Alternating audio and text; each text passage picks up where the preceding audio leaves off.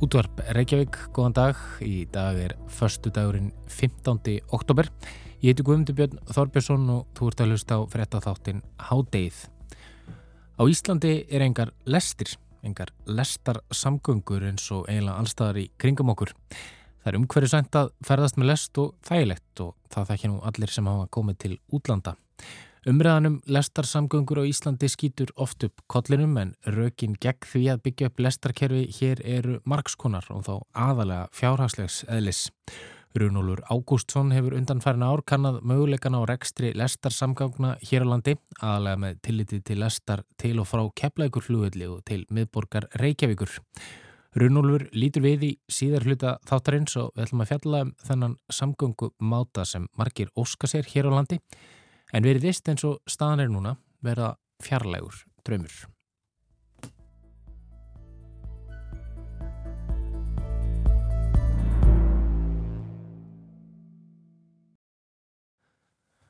Og talandum lestir og lestar samgöngur upphafs atriðið einna vinsælustu sjómastáta heims sem þessar myndir gerist einmitt á lestastöð á brautarpallinum í neðanjaraða lestakerfinu í Seúl, höfuborgar Suður Kóriðu.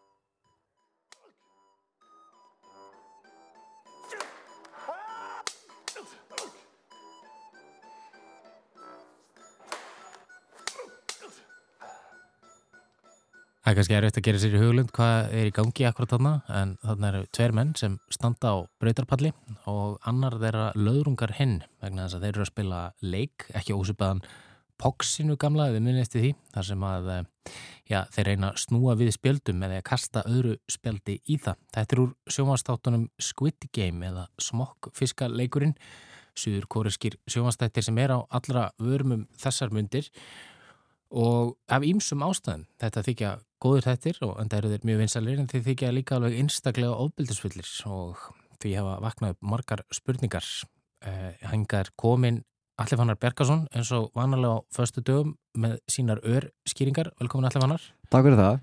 Þessir sjómanstættir um, þeir hafa slegið gegn á Netflix út um allan heim og hér á Íslandi líka en foreldrar hafa áhyggjur af mjög grófu ofbeldi í þessum þáttum. Því þrátt fyrir að vera bannarinn á 16 ára þá er þeir afar vinsælir hjá yngri aldursópum. Byrjum kannski bara fyrst, bara hvað, hvað þættir eru þetta? Jú, þættirnir eru sem sagt, já, söður kóriskir og fjallum svona hundruð örvandika fulla og fátaka einstaklinga sem er búið að spila leik þar sem þau eiga stuð í fjölbreytum svona krakkaleikjum eins og, og poksið á hann og svo er reypitóg og, og, og það sem ég er nú sérstaklega gaman að 1, 2, 3, 4, 5 dimma lim. Mjög vinsall leikur á mínu heimilega sem 1, 4 ára spilar hann bara án ofbeldis. Já. en uh, Sigur á að færa svona miljardar bara alveg, já, mjög mikið af peningum. En það viti ekki allir að leikirni verða blóðugir og, og fá, svona fáir keppundu komast í gegn og reynilega bara lifandi. En uh, vinna þáttunum hóst sko uh, bara 2008 og þetta átti að vera kvikmynd í, í fyrstu. En sagan þótti hins vegar svona aðeins of skrítin til að komast á framlýslu stig þá. En það er ímyndslega búið að gerast núna síðustu já, áratögi eða svo. Og neysla á kvikmyndum og sjónasönni hefur breyst mikið og þættirnir e, þóttu í dag líklega til að virka á Netflix sem var bara alveg hárjætt, reyndist að vera hárjætt og, og þáttaröðin sem sagt datt inn á Netflix í, í fullri lengt núna 17. september síðastliðin og var bara komin á topp vinsættarlistans teimu dögum síðar. Emmitt, emmitt og, og þessi krakka leikir sem þú talar um þarna, Reykjavík 1, 2, 3, 4, 5, Dimma Lim um, það er svona einhver útfæsla af, af sölduð brauði eða fallin spýta það fyrir áttur í hvar þú býr á Íslandi já, hvað, einmitt, hvernig, hvað þessi leikur er kallaður. Einmitt, og þetta er allt svona, já, þetta er svona saglisi leikir, krakkalegt, það er mikið að litum mikið litadýrði í þessum þáttum en, en já eftir hvern leik sem, sem er spilaður þá eru færri keppendur eftir það sem að þeir eru falla drefnir eða teknar af lífi í, í þessum leikum ef þeir, ef þeir gera mistök eða vinna ekki. Um, það hefur búið svolítið svona á góma að, að þessir tættir séu einhvers konar gaggrinni á, á kapitalist hagkerfi. Hvernig, hvernig stendur það því? Já, með svona því ég fór að, fór að grúskaða síðan þá komst ég að því að það er bara hreinlega viljandi og eiginlega bara markmiðið. Uh, hann höfundu þáttuna Hwang Dong-huik ég vonið sé að byrja þetta fram einhverju svona nálagt yfir rétt. Uh, hann hefur sagt að hann vildi svona skapa einhvers konar allegóri um svona kapitalist samfélag dagsins í dag og krakkarleikinir eru íkt útgáfa af í rauninni bara lífsgæða kapplöpi nútímans þar sem fólk reynir að lifa af á meðan þau ríku verða ríkari og í þáttunum fylgist, fylgist ríka fólki með keppmyndurum í krakkarleikjunum og, og veðjar á ákveðna keppmyndur auðvitslega ekki í lífsættu eins og, eins og þeir fátækur sko. Einmitt, einmitt. Og maður tekur eftir í sko þegar maður horfður á þetta og ég ekki sjálfur hort á já, mikið suður kórest sjónvarp. Eh, ég horfði nú á, á myndina hérna, Parasite sem var Óskarsvölunin og, og hún var rétt eins og þessi þetta er svolítið djúb heimsbyggilegir og mikil og þar var einmitt líka þessi svona kapitalíska gaggrinni sko, það sem var verið að sína fram á stjættaskiptingunum sem er greinilega í, í Suðu kóru og, og svona hvernig, já maður fær á tilfinningunni að, að, að svona já, innsteklingsíkja og þetta með að þú veist, hinn er hæfustu komast af og þetta allt, þetta sem er svona dominerandi þannig, dominerandi stef. En, en nú er, nú er sko, fjöldi fólks já, maður, maður er bara tekið eftir því fréttum og samfélagsmiðlum að, að fjöldi fólks lýsir yfir á áhyggjum af, af þessu svona e, hvað áhrif þetta hefur á, á börn þetta eru mjög, mjög ofbildsvöldir þættir er þetta ekki bara gömul tugga? Er eitthvað, er eitthvað óvanalegt við þetta? Hafi ekki börn alltaf verið að horfa á efni sem er bannaðina 16? Þetta er jú, eftir allt saman bannaðina 16 Jú, og auðvitað við þekkjum bara báður þetta, þetta hefur náttúrulega verið bara eins, e, verið alltaf til ég meina, ma maður var að stelast til að horfa á, á efni sem var bannaðina 16 í, í galanda, maður var alltaf einhver sem fekk leiði, sko, fekk uppáskrifa þegar fóru vítilegunum til að fá að taka myndir sem voru bannar yngri 16 mm -hmm. svo var maður stundum að stelast í þetta og þetta er alltaf verið svona tölvuleikir svona sem eru mjög margi mjög óbældisfullir þetta er alltaf, búið að vera og ég held að, svona, held að farið svolítið fyrir brösti á fólki í þessu er þessi svona þessi krakkalegi búningur og, sem, sem, og mögulega er það líka sem höfður svona til krakkana sko. Þessi, þessi litadýrð og þessi, þessi krakkaleikir en svo kannski halda fóröldra að þetta sé eitthvað annað en þetta er setjast niður með, með barninu og ætla að horfa á þetta og þá svo byrja bara eh, blóðbæðið. Og þannig að það kannski bregðu við og, og skiljanlega. En svo einmitt, maður veldi fyrir sig sko hversu miklar áhyggjur fólk að hafa að þessu. Mm -hmm. það, einmitt, þetta hefur alltaf verið og auðvitað þarf bara þurfa fólk bara að tala við krakkana um, um það sem þið sjá og, svona, og ræða þetta og, og útkljá en, en, en svona mín fyrsta tilfinning er að þetta er bara svona einmitt gumul umræða að skjóta kollunum, kollunum enn og einu sinni mm -hmm. það sem að, einmitt, opbeldi í, í sjónvarpi og töluleikjum og, og börn sko. mm -hmm. Þú talar þá um að veist, þessi kannski, einmitt, þetta sé svona krakkalegt að einhver leiti er að leita dýrð og músíkin eins og við heyrðum á þann þetta er allt já. svona, svolítið svona, já, barnalegt það er þá kannski áhyggjur einnig helst um það líka að börnin fara að leika þetta einhvern veginn eftir sko, á þess að, að kannski drepa viðkomandi þá, þá sé svona já, hætta þau fara að leika þessi leiki eftir og, og, og refsa þeim sem tapa á einhvern veginn óbildsvöldun hátt. Já, kannski til dæmis eins og í uppáfsatriði þessa einslags sem er verið að slá og annað sko, mm -hmm. það eru þetta hættan og, og ég man líka þetta eftir í bara þegar maður var að horfa á einhverja barndæðmyndir í, í gálanda maður var, að, maður var að líka eftir því sem maður var í gangi þar sko og, hana, og það er svona Já, einmitt, það er e, auðvitað eiga fólkdra að vera vakandi í því en þetta er líka einmitt spurningum að þarna að upplýsa og ræða sko. Að það sé kannski ekki máli að að breyta 1, 2, 3, 4, 5 að limmi í, í, í brútal óbyrðisleik Einmitt, og bara alveg í lókin alltaf fannar eh, hvað gerist næst eins og við spyrjum oft í örskýningunum er, er framhaldsröðið öndum? Jú, hvað, hvað gerist næst? Svona, eftir því sem ég best veit þá, þá hefur önnur þáttur ekki verið staðfest En skapari þáttan að segja í viðtala við var ægæti að, að saði í síðasta mánuði að hann var ekki búin að þróa neinar hugmyndur um framhald þáttana og saði svona hreinlega að þreytast bara við tilhugsununa. En eh, ef að koma nýju þettir þá verður það bara í fyrsta lagi svona 2023 myndi ég halda. Það. Takk fyrir komuna í háttegið. Allir fannar.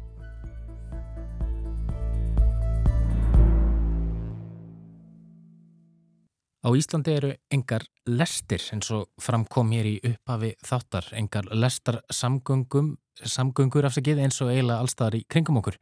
Það er umhverju svænt að ferðast með lest og þægilegt og það þekkja jú allir sem hafa komið til útlanda.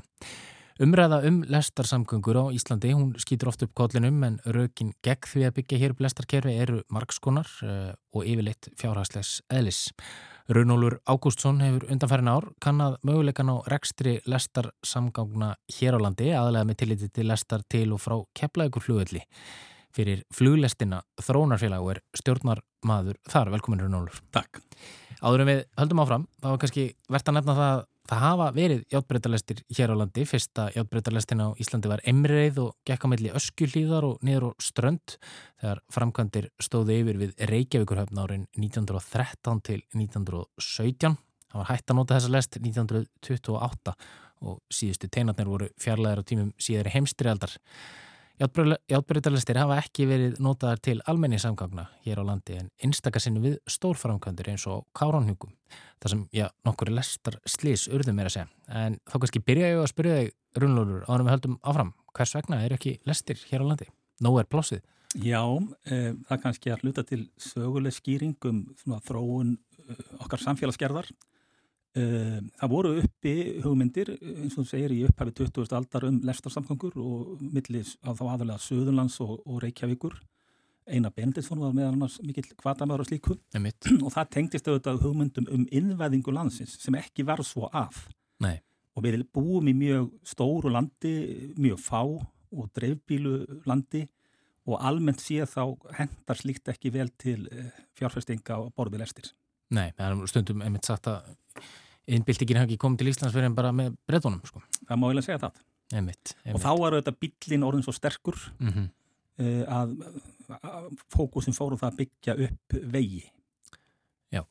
Eh, Gunnar Alexander Ólofsson, heilsuhagfræðingur og, og, og hann var einn frambjöðanda samfélkingarinnar í Reykjavík í síðustu aldrei Hann fjallaði þessum lestar samgöngur í grein sem hann skrifaði í kjarnanum í sumar. Eh, þar kemur fram að umferðum Reykjanesbröð, hún muni aukast úr cirka 20.000 bílum á dag í cirka 52.000 bíla á dag árið 2044 eftir 23 ár og þetta hefur hann sagt upplýsingum frá vegagerðinni. Hann kallar hann þessari grein eftir því að stjórnvöld já, skoði þennan möguleika því að íhuga umhverfisveitni kost og tengja suðunisinn við Reykjavík og já, að kynna sér ykkar rannsóknir eh, getur það sagt með frá þessu verkefni og, og svona hverju þið hafi komist að síðustu ár? Þetta verkefni er nú að vera tíu ára gamalt uh, frá því við störtum þessu það sem við gerðum þá var umvel að skoða svona, uh, svona fyrstu greiningar á, á, á físileika þess að, að búa til lest milli Reykjavíkur og þá vorum við að horfa á BSI sem endastöð og Keflavíkuflugvallar eða, eða flugstöðulegs Erikssonar og horfðuðu auðvitað eða til fyrirmynda í nákvæmlega löndunum þar sem að svona fluglestir eru þekkt fyrirbriði, menn sjá að þetta til dæmis bæði í Oslo og Stokkólmi með Flytójöt og, og, og Arlanda Express og eins í London með Heathrow Express þar sem er umverulega e, ferðamenn greiða tiltúlega hátt fargjald til þess að komast tiltúlega rætt frá flugvelli e, á áfangastað sem yfirleitt er einhver punktur sem er svona hvað næst miðbæ viðkomandi borga. Uh, það eru öflugir aðila sem standa þessu félagi, stærsti eigandin er Per Aslef sem er mjög stórt verktakafyrirtæki danst og byggir mikið, byggt mikið að lestum í Damörgu og mikil þekking þar. Dótturfyrirtæki þeirra á Íslandi er Ístak. Uh, Ebla verkfræðarstof hefur lagt gríðarlega mikla vinnu hérna verkefni og síðan eru aðrir eigandur Landsbankin og Katego eða Þrónafjörna Keflavíkur og svo smarri aðilar. Uh, Reykjavíkuborg er mjög lítið hlutafi hérna og held ég halvt prósent hlutafi og, og samtöksveitar félag á suðunum sem annaðis. Þannig að þetta er svona uh, struktúrun af þessu félagi og við höfum þetta lagt gríðarlega vinnu, sérstaklega framan af, þetta hefur verið svona í, í hvað ég segja, svona pattstöðu eða byggstöðu undan fyrir þrjú ár. En það búið að leggja 10 miljóna í rumverulega rannsóknarvinnu sem að eigandur hafa lagt fram og, og greiningavinnu, það er bæði búið að greina jarfræði þætti öðburgarsvæðisins og gera auðvitað mjög ítalegt business model fyrir verkefnið. Og hvað segir svo greiningu við nokkur? Hún segir okkur það tvent að verkefnið er samfélagslega hafkvæmt út frá tímasparnaði e, fólk sem ferðast millir Keflavíkur og Reykjavíkur almennt e, verður til þess fallið að færa þessa tvo staðir saman og gera einu samfældu atvinnisvæði. Það er auðvitað líka mjög hafkvæmt út frá því að draga úr umferð á yfirborðinu bæð á Reykjanesbrautinu og ekki síður innan bæri Reykjavík og auðvitað mjög umhverfislega uh, jákvætt þetta er auðvitað raflest og að auki þá er þetta viðskiptarlega séð, það er að fjárhastlega arðbær framkvæmt.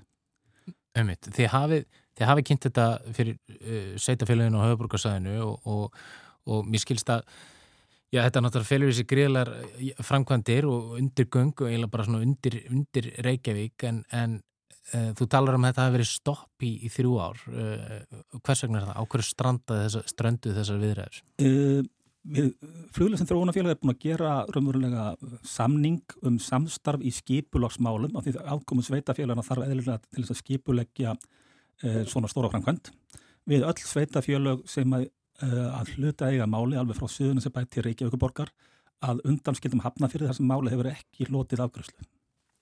Og, og hvers vegna er það? Er það vegna þess að það er að leggja undirgöng undir allan hafnafyrir? Já, þá er eiginlega að spyrja hafnfyrðinga að því en eh, það er ljóst að það er andstaða í hafnafjörði við þessa framkvæmt hafnfjörðingar og, og bæjarstjórn hafnafjörðar og, og, og bæjarstjóri hafa líst yfir að þeim hugnist ekki þessi framkvæmt og þau hafa ekki áhuga á stíðana eða að greiða götu hennar því að nú erum við sem sé ekki að byggjum þannig sé stuðning heldur einungist samstarf um skipulasmál þar sem að allur kostnáður eru greittur af félaginu Einmitt. En hvað með aðkomu stjórnvalda? Hafið þið óskað eftir því að stjórnvöld skiptir sér hvað þessum? Við höfum haldið eh, stjórnvöldum þá þarf að segja ráðandir samgöngumála og upplýstum öll þessi ár og átt með þeim reglubundna fundni. Það er fundi, það er auðvitað aðalmál þar er uh, fyrst og reynst lagarammi utan um lestar samgöngur. Það er engin lög um lestir á Íslandi. Uh, þar þyrtir umverulega að innleiða Európulögju um þann þátt sem var skilin eftir þegar við gengum inn í EES. Það er hins vegar, eh, erum við með mótin þess að normenn hafa innleitt eh, þennan bálk hjá sér, þannig að þetta er því í svona sem bara copy-paste-vinna. Emi, þú saðir hérna í viðtali á Rúf fyrir, já, fyrir nokkrum árum, árið 2017, að, að já, ferðamenn sem koma henga til Íslands væri orðinir það margir að, að þeir myndu, bara ferðamenn myndu standa undir kostnaði við lestamöldi kemlaugflugall og, og flugvallar og reykjaugur. Nú hefur náttúrulega fjöldi ferðamanna aukist ef við, ef við kannski tökum frá COVID og það ástand sem, a, já, já. sem að það hefur skapað en ef við, ef við gefum okkur það að þetta muni allt, allt saman braggast. Eh, þetta lítur að, þetta lítur að standa ennþá. Hvernig metið þetta svona prósendulega sér? Já, business modeli gengur út frá því að við erum að rekna með að fargjald með lestinni er því kannski svona þúsund krónum herra heldur með flugurútunni lestin er tæpar 20 myndur á milli staða meðan að flugrútun er um klukkutíma þannig að þá sá mögnur er réttlætanlegur. Og við erum að gera ráð fyrir því að 30% af erlendum ferðamönnum, eh, flugfarþöðum, erlendum og íslenskum reyndar myndi nýta lestina sem samkvöngutæki og þetta dugar ásamtíu auðvitað þetta myndur svo skapast tækifæri til að nýta þessa framkvæmt sem eh, alvöru almenni samkvöngur mm -hmm. til þess að einfallega bara flytja fólk til og frá vinnu og mhm. skóla mm -hmm. millir Suðunissi og, og Höfbrukarsvæðisins. En nú kannski, sko, henn almenni borgari, hann er náttúrulega kannski ekki tilbúin að greiða 5.000 krónur til þess að komast... Nei, enda, sko, er mótilir umverulega svipað eins og bara með sundferðir, þar að segja, sá sem kaupir stakan miða eða fram og tilbaka miða, sem bara flestir ferðamenn gera, greiði tiltölulega hátt gjald, uh, sem er þá í samar með það sem henn er að gera í dag í, rútunum, en þeir sem er að kaupa mánadakort eru á allt öðrum kjörum, alveg eins og í sundi. Mm -hmm. uh, hafið eitthvað viðra þær hugmyndir að svona, já, tengja þetta við hérna, fyrir hugðu borgarlínu? Já, við höfum skoðað hugmyndir um það og þetta er bara eins og allar aðrar hugmyndir. Við skoðum til að mynda að, að sleppa göngum og vera með endastöð í Strömsvík og tengja þar á endastöð borgarlínu. Það hendaði hins vegar ekki vegna þess að álagstímin er sá sami, þar að segja ferðamenn sem er að koma til landsins er að nýta lestina inn til miðborgar Reykjavíkur á sama tíma og fólk er að nýta, er að mæta til vinnu í borginni og sama gildir um raunverulega síteðisflugið. Þannig að við sem sé höfum þessi stað varpa fram þeirri hugmynd til skoðunar sem að okkur finnst minnstakosti einnar messu virði að skoða hvort að megið samnýta þessi göng sem að eh, fluglustur notar kannski uh, fjórun sínum á klukkutíma.